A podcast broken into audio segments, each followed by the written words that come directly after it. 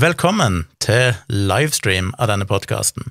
Det er episode 268 av podkasten min Tomprat, og jeg valgte å livestreame det i kveld. Så jeg sitter her med kamera foran meg, og det gjør meg litt nervøs, merkelig nok, fordi jeg har jo spilt inn, som sagt, 267 episoder av denne podkasten tidligere. Noen få av de har jeg livestreama eller spilt inn som video, men stort sett har jeg ikke det. Og det er alltid som det er litt mer eh, press og stress når jeg vet det blir filma. Selv om det ikke er mange som ser på, så er det et eller annet med at du bare føler at du må Du går i en annen modus. Når jeg sitter og chiller inn på kontoret mitt og spiller inn til vanlig, så er det akkurat som Ikke så farlig, jeg sitter jo bare her alene. Nå er det plutselig får prestasjonsangst. Men jeg har valgt å, å livestreame denne episoden fordi normalt har en livestream hver eh, tirsdag kveld som heter Tomprat live, i tillegg til mine to ukentlige podkastepisoder av denne podkasten som heter Tomprat. De som ser på video, ser eh, coverarten min her oppe. Der står det òg en mailadresse, tompratpodkast at gmail.com, der det er mulig å sende inn spørsmål og tilbakemeldinger hva de som helst, og jeg bruker jo stadig vekk ting jeg får på mail som tema i podkasten min. Eh, jeg får ikke livestreama i morgen, så derfor gjør jeg dette som en eh, video, og som en liten ekstra bonus til mine støttespillere og følgere inne på Patron, det vil si patrion.com slash tjomli, som dere ser her nede på skjermen, og de som er VIP-medlemmer inne på kritisketenkere.no, de får se dette live og får også tilgang til alle mine podkastepisoder en god stund før alle andre får de, og òg helt uten reklame. Så vil du ha mine podkastepisoder tidlig, umiddelbart etter at de er spilt inn, og reklamefrie, så kan du altså gå inn på Patron, for eksempel, og støtte meg der. Og der får du òg litt andre goodies, som videoforedrag og bonusepisoder og annet snacks. Så det er mulig, og det er veldig nyttig fordi jeg skal ha muligheten til å lage to podkastepisoder og livestreams og blogger og gjøre alt annet jeg driver på med, som det er blitt litt for lite av i det siste, rett og slett fordi jeg ikke har kapasitet til å prioritere det. Men jo mer støtte jeg får, jo mer tid kan jeg vie til dette, og det har jeg veldig lyst til. Så støtte inne på Patrion er veldig, veldig hyggelig. Jeg reiser som sagt eh, av gårde i morgen, og dere som har hørt tidligere episoder, vet jo at jeg skal en tur nordover. Jeg skal opp til Sortland. Der skal jeg holde et foredrag på Sortland kulturhus nå på onsdag. Det blir den 23. februar i 2022. Klokka seks begynner det vel på kvelden. Så hvis du bor i Sortland eller i nærheten og har lyst til å reise inn der, så er det veldig kult om du kommer på foredraget mitt, som handler om kritisk tenking. Jeg går gjennom litt eh, ja, hvordan skal du tenke kritisk rundt ting du ser i sosiale medier, ting du ser i media, misbruk av statistikk, eh, forskning, ikke minst, eh, pandemien, vaksiner, mye forskjellig. Og til slutt så snakker jeg en del om hvorfor du må være kritisk til deg sjøl, dine egne sanser og din hukommelse og alt dette her. Så det blir en en hyggelig kveld, håper jeg. Gleder meg. Gruer meg litt òg, for jeg er litt ute av pga. pandemi og sånn, så er det jo lenge siden jeg har holdt skikkelig med foredrag. Så det er alltid litt sånn skummelt når det er en stund siden en har gjort det før. Og en annen ting som er litt skummelt, er jo bare det å reise i det hele tatt. Fordi jeg har reist mye de siste årene, både med foredrag Det har jo blitt en, hva er det, 130 foredrag eller noe sånt jeg har hatt en del eh, kundemøter i forbindelse med jobben rundt om i hele landet, og jeg har vært med på andre ting, som podkastshow og, og diverse.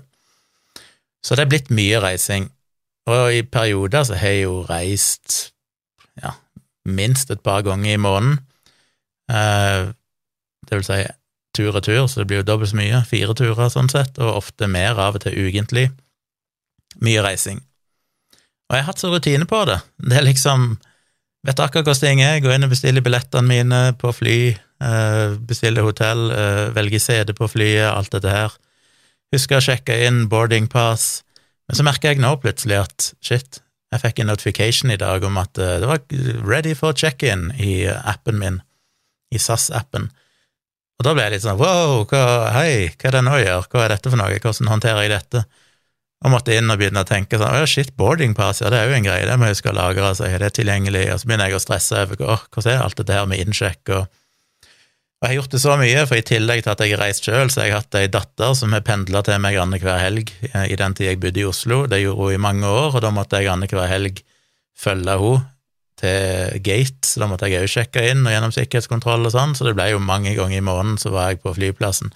Bare det å ta flytoget, som jeg gjorde som sagt mer eller mindre ukentlig før i tida, har jo ikke noe gjort på et par år, så det går vel greit. Og så blir jeg stressa av hva jeg skal ha med meg.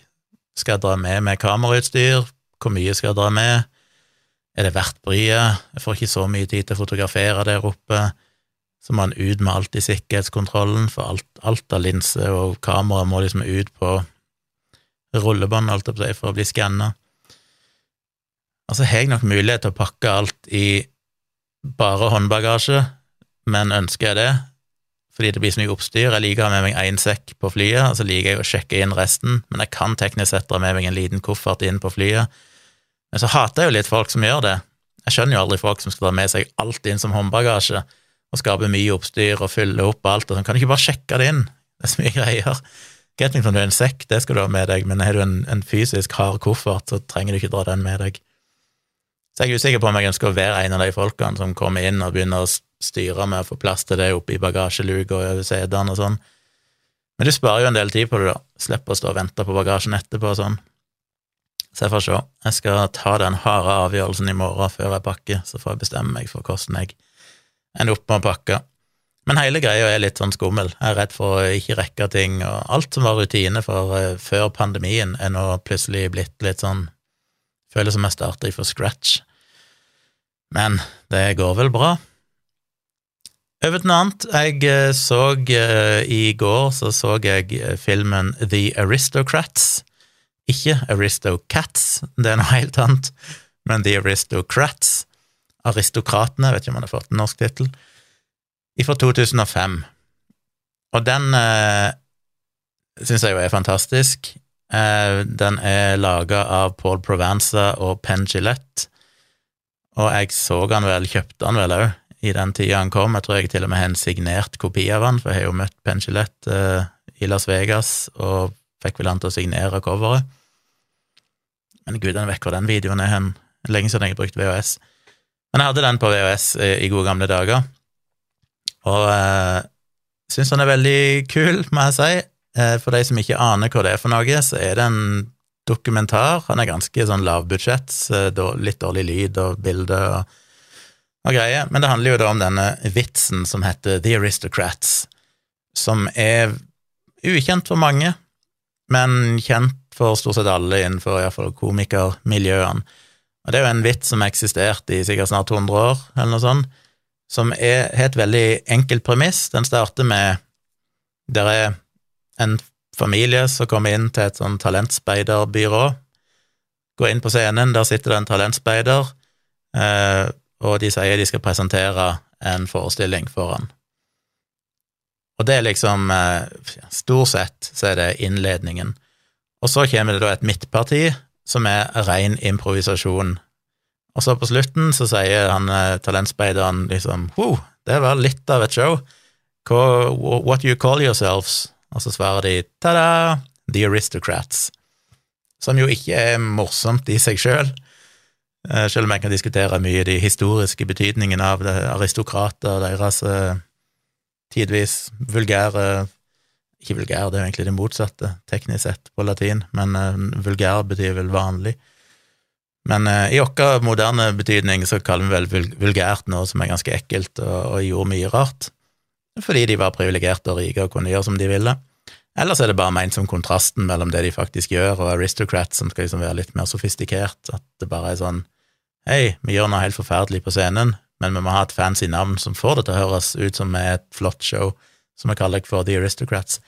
Gudene vet det, kan en diskutere, og det gjør de i dokumentaren. Det er mye drøftinger, altså det er jo en halvannen times dokumentar om bare den vitsen.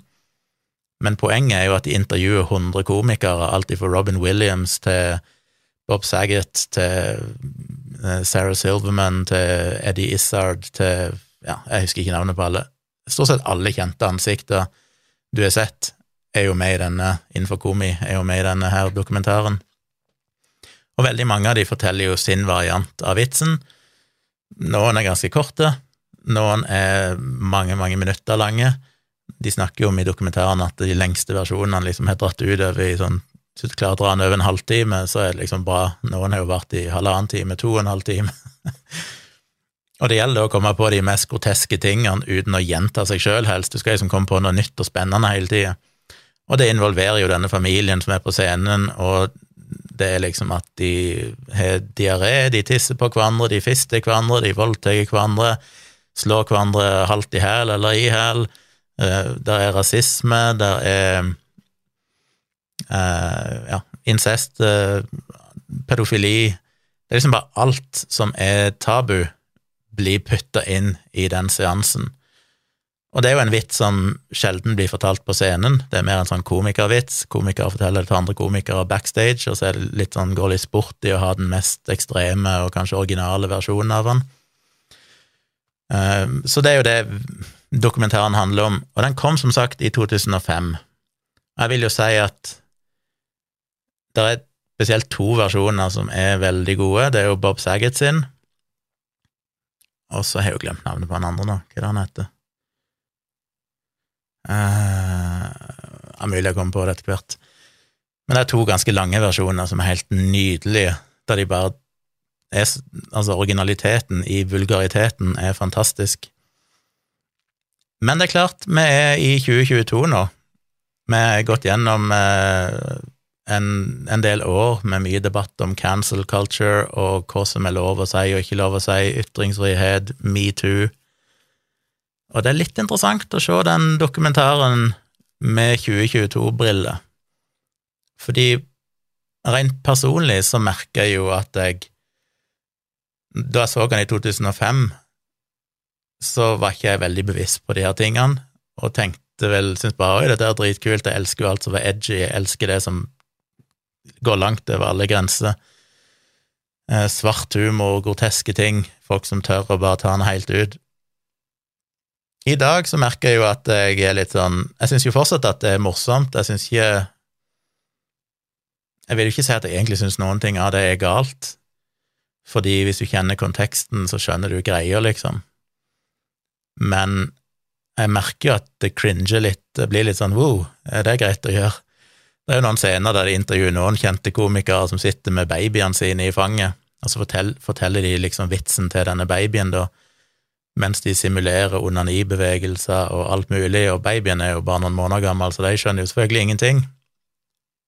Men allikevel så er det litt sånn mm, er det noe som hadde gått an å gjøre i dag? Så det er interessant, jeg vet ikke. Eh, jeg måtte google litt i stedet for å se om det kommet noen reaksjoner på The Aristocrats sånn eh, i nyere tid. Er det folk som nå For det har vært mye, som dere vet, at folk gjerne har gått tilbake igjen på Twitter-kontoene til kjente folk og sett at å, i 2003 så skrev Nei, det var kanskje litt tidlig, det var ikke noe Twitter da. Men i 2009 så skrev du sånn og sånn på Twitter, og så blir det masse oppstyr om det. Det Hvorfor har ikke det skjedd med The Aristocrats? Hva er greia der? Og det er mange måter å tolke det. Jeg tenker vel at én uh, måte å tolke det er vel at uh, det viser at uh, denne såkalte cancel culturen nok er overdrevet, at ofte så er det ikke For jeg mener, hvis noen ville Altså, til og med N-ordet blir jo sagt i den i en av sammenhengene der. Og det hadde vært lett å gå tilbake igjen, du hørte alt dette er dokumentert på video i en film som er gitt ut.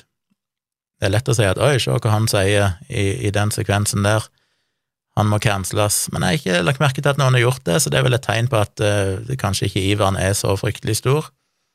Hvis det faktisk er noen som blir saumfart, så er det vel mer fordi de har gjort ting i dag som provoserer, og så begynner folk å gå tilbake igjen og skal liksom ta dem på ting som er sagt tidligere. Det er jo litt interessant, jeg så eh, Bob Saget, som jo tragisk nok døde for uh, få uker siden, i ganske ung alder, som er en av de morsomste folkene. Jeg måtte jo høre om igjen WTF-podkasten med Mark Maron, han er jo sånn tradisjon at han republiserer alltid tidligere episoder hvis det er en person han har hatt som gjest som døy, så kommer det en sånn remembering-episode. Og han har jo hatt Bob Saget med seg tre ganger, så han har sydd dem sammen og gitt ut en sånn gigantisk lang episode med alle de tre tidligere episodene i ett. Um, et par av de er vel ganske korte, så det blir ikke så langt totalt. Men det er jo bare Bob Saget er jo bare ustyrtelig morsom, for han går bare plasser få andre går. Og det er jo spesielt morsomt som liksom The Family Dad i Full House og egentlig den stuereine wholesome American Dad-fyren han har vært på TV. Også på scenen så har han jo vært så drøy. Og til og med de intervjuene med Mark Maron, så er det jo historier han forteller som, som begynner liksom tåredryppende og har et politisk budskap, og så dreier han det bare plutselig over at faren forgriper seg på han, som om det er helt normalt. Og for meg så er det bare ustyrtelig morsomt, når du kan ta det så fra én retning til noe helt annet, og bare ta som er bare helt upassende. Som er bare sånn, Det går ikke an å si dette. Det, det, og det var vel det siste intervjuet, var vel i, usikker om det var 20, om det, akkurat det var fra 2013 eller 2017, eller sånn, så det ligger noen år tilbake i tid. Men jeg tror det var i 2018 så fant jeg et intervju med Bob Saget der han ble spurt litt, for da begynte jo cancel culture, dette her, å bli en debatt. Og han sier vel sjøl det at uh, Han refererte vel ikke The Aristocrats spesifikt der, uh, i den konteksten, men han viste vel til et show han ga ut i 2007, tror jeg, som visstnok fikk en del oppmerksomhet fordi han var veldig, veldig drøy og sier vel at i 2018 da, at det er ting han ikke ville sagt nå, men han tok ikke avstand fra det på en måte fordi at han sa det i 2007, fordi at det var da, og på den tida så var det sånn komi, komedie var. Og det er jo interessant det å se i The Aristocrats, for der diskuterer de jo så mye filosofien bak denne vitsen, som jo på mange måter handler nettopp om ytringsfrihet. Mange av de tingene som blir sagt i den vitsen, er jo ting som komikere ble fengsla for bare 30-40 år tidligere, kanskje ikke så mye engang, 20 år tidligere, så havna jo amerikanske komikere i fengsel for å ha sagt usømmelige ting. Så det er jo alltid interessant med tanke på ideen om at ytringsfriheten blir innskrenka. Det er jo som historikere sier, aldri hatt mer ytringsfrihet enn nå. Skal ikke så langt tilbake i tid før folk faktisk ble satt i fengsel for å si sånne ting. I dag så er, får du ikke en statlig reaksjon lenger. Det verste som kan skje, er at folk boikotter deg fordi de misliker det. Så kan en diskutere da hvilken definisjon av ordet, ordet ytringsfrihet du vil bruke. Men rent uh, teknisk sett så handler det jo om statlig sensur. Og uh, Så han ville ikke sagt det nå lenger, men han mente at på den tida var det riktig, og i dokumentaren så er det jo veldig tydelig på liksom, at dette er ytringsfrihet, og nå kan du si hva som helst, dette er i 2005, da, og det er litt sånn rart å tenke på å, hadde de bare visst hva som kommer ti år seinere, så liksom Jeg tror ikke de hadde sagt de samme tingene i den dokumentaren i dag som de sa da, for det er akkurat som at det har vært en sånn kurve der det nok ble mer og mer legitimt å pushe grenser og si akkurat hva som helst. Så nådde det kanskje en peak da i eh, 2010, litt etter 2010, og så begynte en plutselig å, å folk å reagere mer og det er jo snakka mye om tidligere, positive og negative sider av det. Jeg tenker òg at i all hovedsak så handler jo dette om en styrking av ytringsfrihet, for det handler jo mye om at tidligere marginaliserte grupper har fått en talerstol gjennom sosiale medier, blant annet, eh, som gjør at vi får flere stemmer enn det vi gjorde før. Vi innbilte oss at vi hadde så stor ytringsfrihet før fordi det var i gåsehud hvite, privilegerte, middelaldrende menn som kunne si hva de ville, og når plutselig det kommer andre grupper inn som ikke har hatt den samme statusen opp gjennom historien, som plutselig sier at oi, vi òg vil ha en stemme med i debatten her, så er det folk som mener at å, det blir cancela og mindre ytringsfrihet. Men ja, det blir kanskje mindre ytringsfrihet for ei gruppe, ei privilegert gruppe, som alltid har fått det som de vil, men vi får mer ytringsfrihet fordi det er flere stemmer som kommer til orde. Så det er jo en stor debatt, skal ikke gå inn på det akkurat nå. Men det er interessant. Vil, hvis ikke dere har sett The Aristocrats, så vil jeg jo absolutt anbefale den. Vi fant den, eh, Jeg fant den ikke på noen strømmetjeneste, så vi endte opp med å laste den ned en eller annen plass, og det var jo deprimerende nok en forkrøpla versjon. Varte nesten halvannen time, men de hadde tatt ut de to beste. De hadde tatt ut Bob Saget og han andre, som jeg ikke kommer på navnet på nå. Uh, uten at jeg vet hvorfor. Er det en slags cancela versjon som ligger der ute? som er veldig rart, for det er jo tusen andre versjoner i den, i den samme filmen som bare er så drøye at det, var, det, er liksom, det er ikke noe drøyere det Bob Saget og sånn sier, de bare sier det på en bedre måte, syns jeg. Så jeg skjønner ikke helt hvorfor de har fjerna noe av det, men, men uh, finn forhåpentligvis originalversjonen et eller annet sted. Jeg vet det, det går nok an å strømme den på noen sånn gratis strømmetjenester på nettet. Jeg har sett noen andre artikler som lenker til You can watch it here. Uh, så jeg vet ikke. Hvis dere finner den, så se den. Og interessant å se med dagens briller, må jeg si. Så kan en jo mene mye om hva som er rett og galt, jeg er usikker sjøl, men at verden har forandra seg, er det vel liten tvil om. Så må jeg òg si noe om eh, en tweet fra Mina Gerhardsen. Og det er mulig at dette ikke leder noe sted hen. Det var bare De var det, var det i går? I går, ja, så tvitra hun en sånn bilde som viste sluttstatus på OL 2022, der Norge hadde tatt flest medaljer. 37 medaljer totalt, og toppa lista over de landene som har tatt flest medaljer. Og så skriver hun når, når vi kan vinne over de ne... Nei, ta det på nytt. Når vi kan vinne over de store nasjonene, er det fordi vårt talentgrunnlag er, i parentes, nesten alle. Hele 90% av barn og unge i Norge er innom organisert idrett. Det må vi ta vare på, for idrettsglede, deltakelse og helse, og medaljer som en hyggelig bonus hashtag den norske idrettsmodellen. Og det er klart, dere vet jo, hvis dere kjenner meg litt, så er ikke jeg noen stor fan av idrett, og har ikke spesielt gode opplevelser med idrett som barn. Og det første jeg fikk lyst til å svare, men jeg gjorde det ikke, det var liksom å skrive noe sånt som at ja, litt som Den norske statskirka. For det er litt det jeg føler når de sier at hele 90% av barn og unge er innom organisert idrett, men det er litt sånn ja, men hva er alternativet? Jeg var aldri glad i idrett, men hva annet skal jeg gjøre?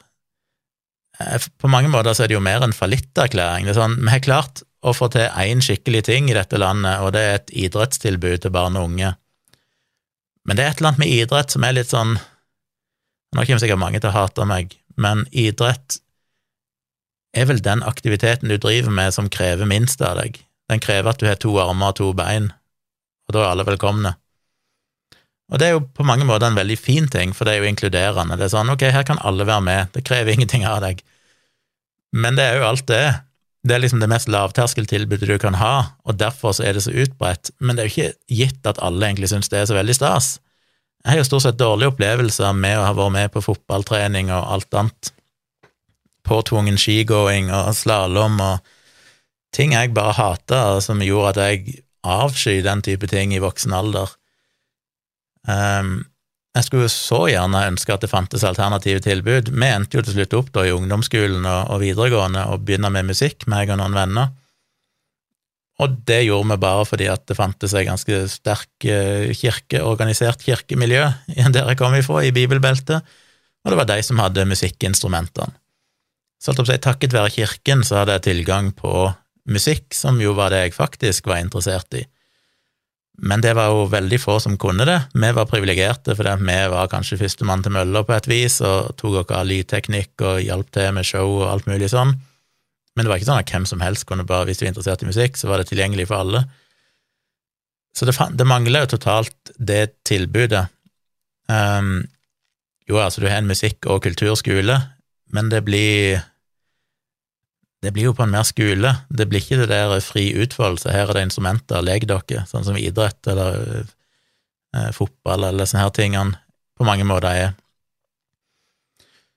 Og så minner det meg òg litt om den sirkelargumentasjonen. Jeg husker var det Bondevik for eh, mange herrens år siden som argumenterte for å bevare statskirka fordi nesten alle er jo medlemmer av statskirka, eller det var liksom, jeg husker prosentandel, men det er sånn 80 er jo medlemmer av statskirka, og derfor er det viktig å beholde den. Men det er sånn, ja, 80 er medlem av statskirka fordi vi fuckings blir tvangsinnmeldt når vi blir født. Du må aktivt melde deg ut i gamle dager. Litt usikker på hvordan det er nå. Nå har vi jo, siden 2012 så har vi jo teknisk sett ikke en statskirke lenger, selv om vi på mange måter fortsatt har det. Eh, men iallfall i gamle dager så ble det jo automatisk innmeldt hvis eh, hva var det, hvis iallfall én, eller var det begge av foreldrene dine, var med. Så det var jo litt sånn at hvis ikke du aktivt tok avstand fra det, så var du med, og det ble brukt som argument for at derfor må vi ha det. Og det føles litt sånn med den organiserte idretten òg, å bruke det der 90% av barn og unge innom organisert idrett. Og så er jo det der innom, ja, det betyr jo at ganske mange, de aller, aller fleste, ender jo opp utenfor organisert idrett. Og hva betyr det? Jo, det betyr jo at de aller, aller fleste er faktisk interessert i andre ting enn idrett, og hvor er de tilbudene hen? Hvor er dette her eh, mulighetene for meg da jeg var liten å drive med det jeg hadde lyst til å gjøre, de eksisterte jo ikke. Og det er klart, ja, ok, kanskje er jeg en, et uh, særtilfelle i en kommune, en liten kommune jeg vokste opp i, men en av Norges rikeste, og kanskje en av de som hadde størst muligheter, så jeg tør ikke tenke på hvordan det er andreplasser. Nå har jo en del blitt bedre, tror jeg. Jeg mener, i alle foredragene jeg har hatt rundt forbi, så har det ofte vært på kulturhus, og det er jo bygd mange flotte kulturhus rundt i landet, og mange av de har egne spillavdelinger der folk kan sitte og game og sånn, og det er jo definitivt positivt. Det er jo et tilbud for de som kanskje ikke er så ivrige på fotball. Eh, og det finnes sikkert andre ting som er gjennomført rundt forbi, men du har jo ikke den samme Det er vanskelig å si at det finnes det samme organiserte tilbudet som idrett. Og idrett var jo alltid et helsike når du skulle prøve å gjøre noen ting annet. Fordi hvis du skulle prøve å drive med kor, som vi drev på med, eh, eller ja, jeg har jo vært involvert i alt fra barnekor til TenSing-kor til blanda kor, så var det jo alltid på idrettens premisser. Alle andre aktiviteter måtte legge seg utenfor når det var fotballtrening og sånn, for det er sånn et gruppepress at du må være med på det, ellers er du liksom utenfor. Jeg tror ikke nødvendigvis alle hadde mest lyst til å gå på fotballtrening, men det er litt sånn i mentaliteten i Norge at det må du gå på. Du må være med på det. Eller skigåing. De hadde sånn skikaruseller og mye dritt som jeg hater. Så det er jo litt sånn at ja, men hvorfor er det sånn? Hvorfor er prioriteringa sånn? Hvorfor det ligger, det, ligger det implisitt i nordmenn at idretten må komme først, og hvis du har tid til andre ting, så kan du være med på kor og andre ting, men det må liksom Alt må vike for den fuckings fotballtreninga og håndballtreninga. Så ja, selvfølgelig har det gjort dere til en, eh, en god vintersportnasjon, men er det nødvendigvis en god ting? Det har jo teknisk sett absolutt ingen verdi at vi har noen gode idrettsutøvere i denne verden, tenker jeg. Eh, og nå er jeg jo veldig biased. Jeg ville jo sagt det var mye mer verdifullt at vi hadde flere gode musikere og flere gode kunstnere. og det ene trenger selvfølgelig ikke gå på bekostning av det andre, i teorien, men jeg føler jo at eh, prioriteringa har vært veldig retta mot idrett. Så jeg vet ikke om jeg er så happy som Ina Gerhardsen, jeg tenker jo mer det at eh, det hadde vært bedre hvis 20 av barn og unge var innom organisert idrett, og alle de andre hadde òg tilsvarende tilbud innenfor det de var interessert i. Da hadde jeg vært fornøyd. Da hadde vi kanskje fått noen færre OL-medaljer. Kanskje vi hadde fått uh, flere Grammys og Oscars. Ja, et lite hjertesukk der, hva enn det måtte bety. For å gå over til noe mer eh, seriøst, holdt jeg på å si, så må jeg jo snakke litt om et par nye studier som har dukket opp i seinere tid. Det vil si veldig nylig. Og før jeg gjør det, så må jeg lade opp med litt cola. Ivermektin. Dere er nok lei, lei av Ivermektin. Men der er jo, og jeg har jo snakka mye om det, jeg har hatt uh, allerede tilbake i hva var det, august eller sånn i fjor, så hadde jeg jo en lang podkastepisode der jeg gikk gjennom historikken. Og så har jeg jo skrevet opp til flere bloggposter inne på tjomli.com, på bloggen min Saksynt, og sett på forskningen og sett på påstander om ivermektin, og hele veien sett at dette her er det ikke noen god dokumentasjon for at virker. Og så er det folk som er blitt sure, folk som er uenige, Eh, I Norge så har vi jo hatt blant annet George Gooding, som jeg har diskutert litt med i bloggen. Han har jo hatt noen innlegg i aviser, og jeg kritiserte han i bloggen min. Og han eh, har vel òg vært en av de som har meint at Ivermektin er veien å gå, iallfall antyder at uh, Litt sånn konspiratoriske tanker rundt akkurat det, og der er han jo helt på linje med folk som Peter McCullough, uh, Joe Rogan, Brett Weinstein og hele den gjengen som jo har denne her ideen om at heller enn vaksiner så burde vi gitt tidlig behandling. Og tidlig behandling er jo da blant annet ivermektin og hydroksyklorokin og en del andre ting, som vi jo vet ikke virker. Men ivermektin har jo i det minste vært litt åpent. Det var jo, jeg skal ikke ta hele historikken, men veldig kort så var det jo noen tidlige studier som eh, Eller spesielt én tidlig studie fra Australia som tyda på at det hadde antivirale effekter, og det er det jo ingen som egentlig er betvilt, at ivermektin kan ha en antiviral effekt, men det var jo da i en cellekultur, ikke i menneskekroppen, i veldig høye doser, doser som er så høye at du neppe vil klare å oppnå så store konsentrasjoner av ivermektin i for eksempel lunge, eh, der, der koronaviruset er, uten samtidig å skade eller drepe personen. Eh, og så kom det jo flere og flere små, dårlige studier som begynte å bli samla i metaanalyser. Når du summerte da effektene i disse små studiene, så fant du at dette så veldig effektivt ut. Problemet hele veien var jo shit in, shit out, at putter du inn masse dårlige studier, så får du òg et resultat som er veldig upålitelig og usannsynlig. Eh, men det ble jo hausa veldig opp av en del folk, og de driver fortsatt på, gir seg aldri. Så begynte det i høst å dukke opp eh, eksempler på at oi, noen av disse studiene er jo rene forfalskninger. Det er ikke bare det at det er dårlige studier, men noen av de har jo faktisk ikke blitt gjennomført. Tallene tyder på at her er jo bare noen som er dikta opp noen verdier og puttet inn i en artikkel. Eh, enkelte sykehus som skulle ha vært involvert i studiene, sa jo at de kjente ikke til at det hadde vært noen studier der i det hele tatt, så det er rett og slett mye fiktive data.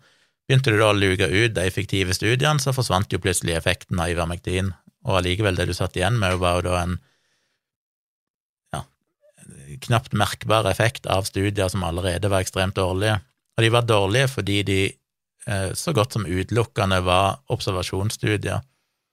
Eh, det var ikke kontrollerte studier der du sier at her er det 100 covid-pasienter, vi gir den ene halvdelen Ivermektin, den andre halvdelen får placebo, så ser vi hvordan det går med de.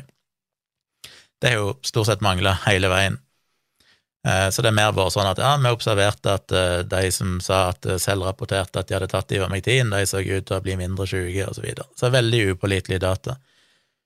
Så venter vi jo på noen gode, store studier. Den største er vel denne Principle-studien som den britiske ved Oxford University, som fortsatt er pågående. Men det kom nettopp data ifra en ny randomisert studie som ble publisert eh, i Jama Network Nei, Network er vel nettsida, men Jama. Uh, Tittelen er Efficacy of Ivermectin Treatment on Disease Progression Among Adults with Mild to Moderate COVID-19 and Comorbidities. The ITEC Randomized Clinical Trial. Og den uh, så da på Det var vel rundt en 500, var det ikke det, tror jeg? Ja, 500 pasienter, der halvparten fikk Ivermectin, og den andre halvparten fikk ikke Ivermectin, de fikk vanlig behandling. Eh, og de som fikk Ivermectin, fikk også vanlig behandling. Så alle fikk vanlig standardbehandling, men ei halvparten av de fikk Ivermectin i tillegg. Og det de fant, kort sagt, var at det var ingen effekt av det. Dette var da pasienter som allerede var blitt syke og var havna på sykehus, og så fikk de da fem dager med Ivermektin-medisinering for å se om det hjalp de. Hadde ingen effekt.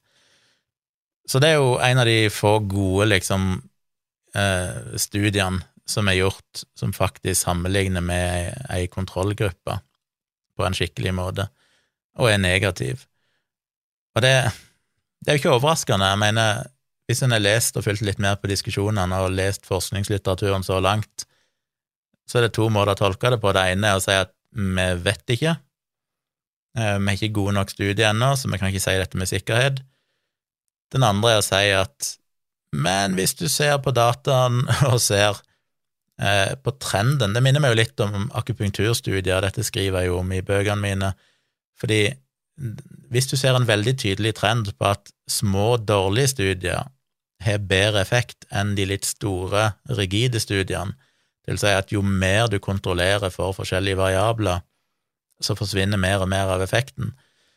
Da er det ganske sannsynlig at effekten enten ikke er der i det hele tatt, eller er marginal, fordi du klarer sjelden å kontrollere godt nok for alt. Så hvis du står igjen med en ganske liten effekt etter at du har liksom gjennomført en god, kontrollert studie, så kan du vel anta at her er det fryktelig lite å hente. Og den trenden har en jo i stor grad sett med ivermektin. Så i tillegg så er det jo sånne ting som at uh, Ivermektin har vært brukt, uh, viden brukt i mange land, i Sør-Amerika, i Asia, i Afrika, uh, uten at det har hjulpet noen ting tydeligvis på dødstallene og sykdomstallene og smittetallene. Det er jo noen av de landene som har hatt det vanskeligst under pandemien, er jo land som har hatt enorm utbredelse av Ivermektin, fordi det er et billig medikament som har vært relativt lett tilgjengelig.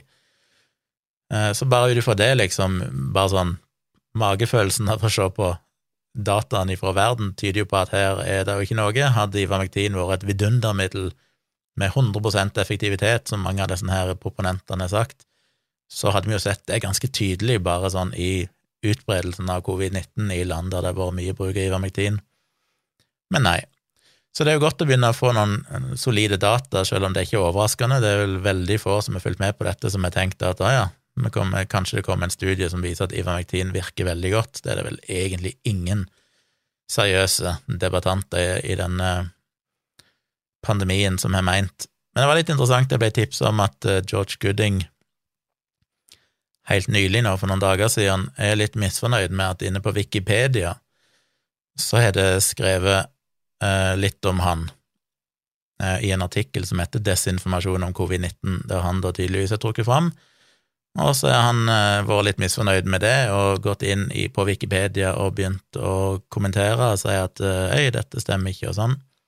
Jeg skal lenke til den. Er interessant å lese, og så ser du hva de som redigerer, de som ja, andre som redigerer sider, svarer han. Jeg synes det er gode svar, og det er godt å se at det er fornuftige folk der som følger med på dette. Men han skriver jo blant annet at uh, de har påstått at det han skrev om Ivermektin i en eller annen artikkel, eh, var desinformasjon. Og så svarer han hva da? Det finnes ingen konkrete påstander som drøftes, og det er ingen kilder på at dette er både feil og et forsøk på å feilinformere, altså desinformasjon. Det pågår en studie i regi av Oxford-universitetet, Principle, som undersøker effekten av Ivermektin.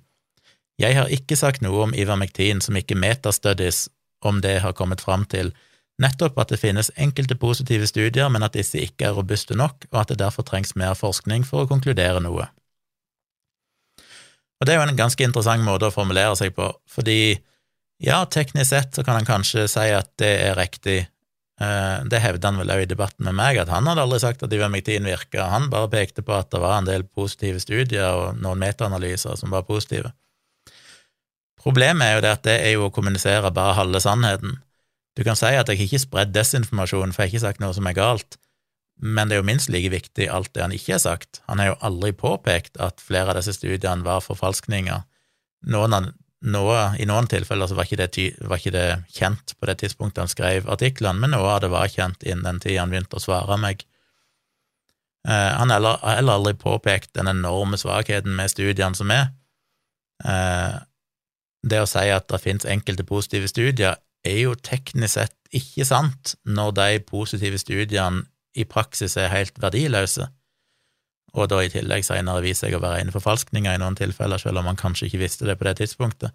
Men det vi visste, var jo at de var verdiløse.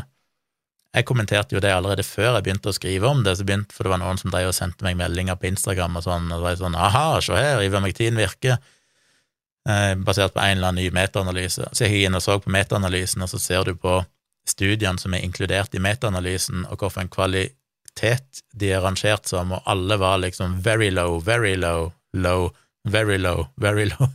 Sånn, hvis du baserer deg på en, en håndfull studier som alle er rangert som har veldig lav kvalitet, så er du ganske optimistisk hvis du hevder at Og derfor virker det. Så jeg vil jo si at eh, ja, teknisk sett, George Gooding, du har kanskje ikke sagt noe som direkte er feil, men det viser jo en skremmende dårlig forståelse for forskning, og det viser vel òg en ganske sterk agenda om å prøve å promotere ivermektin som et effekt, effektivt middel, når det på det tidspunktet ikke forelå noen data som tilsa det, hvis en virkelig forsto hva forskningen viste.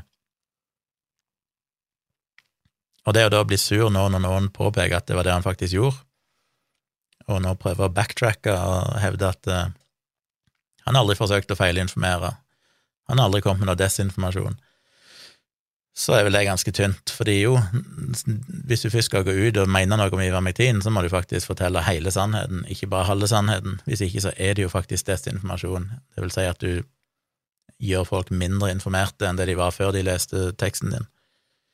Så interessant å se hvordan han eh, ikke er så veldig Altså, de har skrevet enda mer, da til og med jeg nevnte, ikke om jeg har lest alt ennå. Må lese det etterpå. Interessant. Jeg skal lenke til den Wikipedia-diskusjonen i shownotes i podkasten, så kan dere ta en kikk på det når den kommer ut. Eh, ja, så må jeg jo nevne en ting til, og nå vet jeg ikke om George Gooding har hevda det, men en, mange av de her folkene som er promotert i Vermectin, fra Rogan til McCullough til Robert Malone, vel, til Brett Weinstein og co., har jo vært veldig ivrig på dette her med early treatment, den ideen om at vi trenger ikke vaksinene, for det ene som hadde trengt å gjort, var å gi tidlig behandling. Og så er det litt uenighet om hvor tidlig behandling er. Noen mener det er ivermektin, noen mener det er hydroksyklorokin og ivermektin og sink og C-vitamin og en blanding av alt mulig rart. Eh, det de er til felles, er at ingen av de har vist seg å ha noen effekt mot covid-19.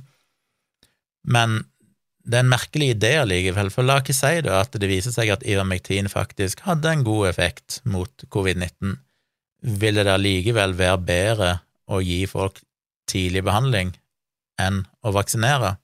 Selvfølgelig ikke. Og det skriver jeg òg ganske omfattende om i bloggen, blant annet til George Gooding, eh, fordi ideen om at du skal gi tidlig behandling, forutsetter jo at folk først har blitt syke. I, I, det minste smitta, men mest sannsynlig syke, fordi at de fleste vet ikke at de er syke før de får, eller at de er smitta før de får symptomer. Ergo så er det allerede sykdom på gang.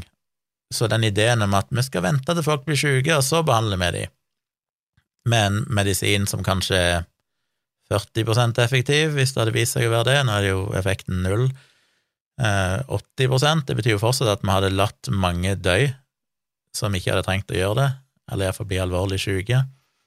Det betyr òg at hvis du eh, Nå viser vel nyere data, og det kan en sikkert diskutere mye, men de aller nyeste dataene jeg så, pekte jo i retning av at et sted mellom 10 og 30% av de som får covid-19, ender opp med langtidsvirkninger, langtidseffekter og de hadde en ikke sluppet unna da, hvis du venter til de først er blitt så smitta, fått så mye virus i kroppen at de blir sjuke.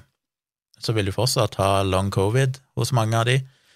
Eh, og mange av de vil jo ikke respondere godt på behandlingen, spesielt de eldste og svakeste. De må du regne med dør, selv om Ivermektin kanskje kunne hjulpet en del andre.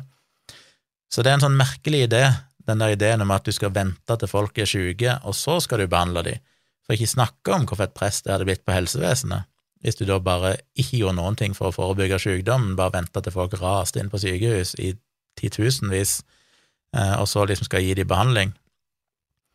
En merkelig, merkelig idé. En annen merkelig idé var jo det med de som mente at Ivermectin kunne brukes preventivt.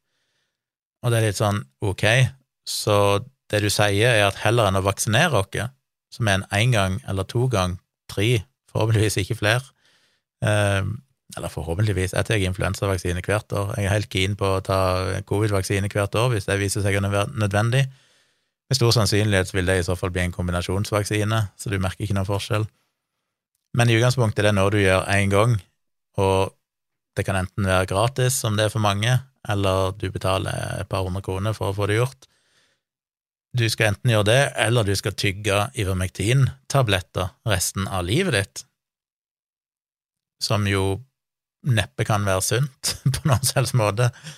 Og der de òg begynt nå å avdekke mer og mer bivirkninger, når de ser på dataene fra USA, blant annet, fra de som har knaska Ivermectin over lengre tid. Det er heller merkelig med den ideen. Mener du virkelig at heller enn å vaksinere folk noen ganger, så skal du da be hele befolkningen gi, spise Ivermectin?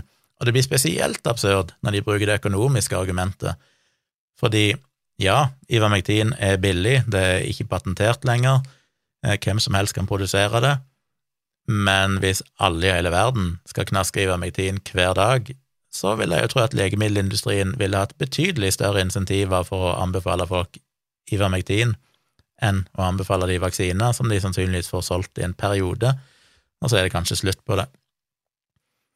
Så det, bare, det, henger ikke på greip, noen av den argumentasjonen som er brukt, og det, det er fascinerende. Ideen er jo om at denne konspirasjonen om at det ikke er blitt forska på tidlig, tidlig, behandling, det er jo bare tull. Blant annet den Principle-studien er jo en av flere studier som nettopp er gjort det, der de har testa alt som finnes av ting som kan virke, for å se. Og de har jo funnet noen ting som har virka, til og med noen ting som ikke er patenterte, og som er i bruk eh, på sykehus. Så det argumentet om at å, de vil ikke bruke Ivermectin, for det er ikke patentbeskytta, derfor kan ikke legemiddelindustrien tjene mye penger på det, er jo beviselig feil, fordi det er andre medikamenter som heller ikke er patenterte, som er billige, og som har vært brukt ifra tidlig i pandemien, fordi en så det faktisk virka i de studiene som, som kom. Så alle argumentene eh, er bare helt håpløse. Og ja, det er på en måte godt. Jeg gleder meg til den principle-studien kommer, for den vil nok eh, etter all sannsynlighet være negativ. Finner de en effekt, så er den neppe veldig stor. Det er jo ikke teoretisk sett utenkelig at ivermektin kan ha en, en effekt, en antiviral effekt. Altså det har det jo, at det kanskje kan klare å fungere i store nok doser, men effekten vil neppe være god, og neppe verdt det. Hvis du velger det framfor vaksiner, så har du ikke skjønt veldig, veldig mye. Men kan det være et effektivt middel i tillegg for folk som ikke kan vaksineres, eller har blitt vaksinert og allikevel blitt syke, så for all del, alt er jo velkomment. Hvis ivermektin viser seg å virke, så er det helt topp. Men jeg ville ikke holdt pusten og tenkt at det skulle være noen løsning. Til slutt en uh, siste studie denne nye D-vitaminstudien som NRK vil jeg si hausa opp, der de på forsida si skrev uh, tydelige funn, altså de endra tittelen flere ganger. Jeg tror den første versjonen var Fant igjen sammenheng mellom vitamin D og covid-19, som jo er veldig diffust. En sammenheng mellom vitamin D og covid-19, hva betyr det? Uh, det som står på forsida sist jeg sjekka, det var tydelige funn om vitamin D og koronasykdom og det er klart, for de som ikke leser artikkelen, og iallfall ikke leser mer enn innledninga på artikkelen, så vil de sitte igjen med inntrykk av at å ja, så nå er det bevist at, at vitamin D er effektivt mot covid-19. Og dette er jo en interessant debatt, fordi at, som jeg har sagt mange ganger, alt av antivaksineargumenter i pandemien er gamle. Alt eksisterte før pandemien. Jeg har jo debattert mot de samme påstandene, enten det er HPV-vaksine eller MMR-vaksine eller hva som helst. Dette eksisterte i 30-40 år, så det er liten nytt. Og det samme med vitamin D. Jeg har skrevet om det mange ganger i bloggen lenge før pandemien. Alle de som er anti-influensavaksine, eh, fordi de mener at folk heller må spise vitamin D, det er mye mer effektivt. Så vitamin D har liksom alltid vært der the holy grail fra alternativfolk og vaksinemotstandere. Ironisk nok, selvfølgelig, hvis du bruker det økonomiske argumentet, så glemmer de atter en gang at det omsettes jo for iallfall fem ganger mer eh, i, eh, i, kosttilskudd i verden enn det gjør i vaksiner. Altså legemiddelindustrien tjener betydelig mer på å selge kosttilskudd enn på å selge vaksiner. Så hvis de virkelig var interessert kun i pengene, så hadde de heller pusha vitamin D enn å pusha, bruke milliarder på dyreutvikling av vaksiner, som de definitivt tjener gode penger på i en pandemi, Eh, for all del. Eh, Pfizer og Moderna og gjengen, eh, de lider ikke noe nød på noen selvs måte. Men det er fortsatt en kortsiktig inntekt målt over alle de ti årene du kan pushe kosttilskudd, så er det jo en, en dråpe i havet. Så det glemmer de alltid. Det er akkurat som vitamin D blir laga av en eller annen koselig bestemor på hjørnet som ikke har noen skumle økonomiske insentiver. Så glemmer de at primært så blir dette laga av akkurat de samme firmaene som selger vaksiner og de tjener mye mer penger på det, for det er så billig å produsere, det krever ingen forskning, det fins allerede. Det er bare å pushe det ut i store tall. Så vitamin D har alltid vært regna for å være veldig effektivt mot alt mellom himmel og jord, selv om evidensen for det mangler. Jeg har jo en egen episode om det òg, tidligere i podkasthistorikken min, der jeg vel konkluderte med at det er nok data som tyder på at vitamin D kan hjelpe imot luftveisinfeksjoner, men da egentlig bare i folk som allerede har lave D-vitaminnivåer, så er det mindre risiko for alvorlig sykdom hvis de begynner å ta tilskudd. Eh, men så vet jeg at eh, det er, til og med den konklusjonen er nok usikker. Jeg var nok jeg mente vel at etter å ha lest alt av forskningen, og det jeg fant på det tidspunktet, så sto det ganske klart. Men i ettertid så mener jeg at det er kommet mer og mer røster som mener at mm, ikke sikkert de, den konklusjonen står så sterkt allikevel, men det er iallfall ikke helt urimelig å hevde det. Eh, men så er jo spørsmålet er covid-19 en luftveisinfeksjon, og det er det jo primært ikke. Det var jo eh, er vel mer blitt definert som en vaskulkard... nei, ikke kardiovaskulær, men en Hva heter det? Ja, det er mer en sykdom som går i, i blodåret og i, i vevet i lungene, mer enn en, en generell luftveisinfeksjon. Sånn at det er en helt annen sykdomsprofil enn en, en vanlig influensa eller et eller annet sånt. Og dermed så kan du ikke anta at hvis vitamin D skulle hjelpe mot luftveisinfeksjoner, så hjelper det ikke dermed automatisk òg mot covid-19, for det er et ganske annet symptombilde. Men det har likevel vært usikkert, og det er blitt gjennomført mange studier på dette, og det bærer jo litt preg av ivermektinforskningen, at det er mye observasjonsstudier. Det er mye folk som mener ting, uh, uten at det er gjennomført noen faktiske kontrollerte studier rundt dette. Men nå er det jo kommet en ny studie da, som er fagfellevurdert og publisert i Plus One, er det vel? Skal vi se, jeg har den her. Jo. Som heter Pre-infection 25 hydro, hydroxyvitamin D3 levels and association with severity of COVID-19 illness. Det er en israelsk studie der de så på pasienter ved et eh, sykehus i eh, Galilea. Jeg blir nesten litt, eh, litt religiøs av meg her. Galilea assosierer jeg bare med hele min oppvekst og alle, alle gudstjenester jeg har vært på, alle andakter jeg har hatt. Galilea. Men ja. Og der har de sett på folk, og målte da eh, vitamin D-nivået i blodet deres før de ble syke, så de hadde en historikk på det. Og så så de da hvor syke ble de, avhengig av sammenligna med hvor mye vitamin D de faktisk hadde i kroppen før de ble smitta og fant da at de som hadde lave vitamin D-nivåer, ble i mye, mye større grad alvorlig syke av covid-19 enn de som hadde akseptable vitamin D-nivåer. Og så skriver de jo da eh, NRK hevder jo at dette da er et tydelig funn om vitamin D og koronasykdom, og skriver jo mye om det innledningsvis i artikkelen. Skriver litt om hvor studien er, og at det er dette de har funnet. De skriver vel um, Pasientene med mangel på D-vitaminer hadde 14 ganger så stor sannsynlighet for å få alvorlig eller kritisk sykdom av koronasmitten. De er da sammenlignet med pasientene som hadde normalt høye verdier av vitamin D i blodet. Eh, så hvis du leser et godt stykke ned i artikkelen, så er jo alt uh, bare positivt. Og så kommer du omtrent halvveis nedi, og dette er jo sånn uh, moderne journalistikk er. Du begynner med, med, det som er interessant for folk, og en betydelig prosentandel leser jo ikke lenger enn det, de vil bare fort få med seg hva dette handler om, og så stopper de der. Går du videre, så kommer de jo med det som er liksom problemet med studien, som jo egentlig invaliderer i stor grad konklusjonen. Hvis du leser i selve studien, i konklusjonen, så skriver de Our study contributes to a continually evolving body of evidence that suggests a patient's history of vitamin D deficiency is a predictive risk factor associated with poorer COVID-19 clinical disease course and mortality. Så det høres jo bra ut.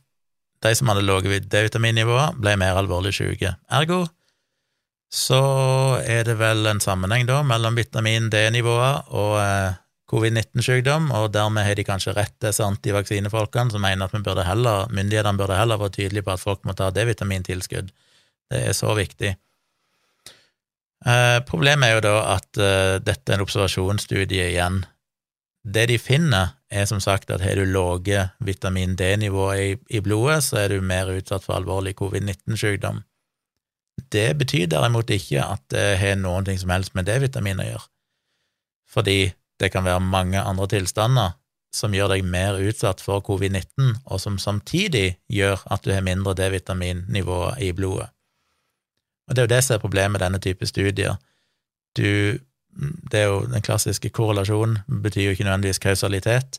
Det at du ser en sammenheng mellom to variabler, betyr ikke nødvendigvis at den ene variabelen styrer den andre, eller påvirker den andre, og det ser en jo òg her.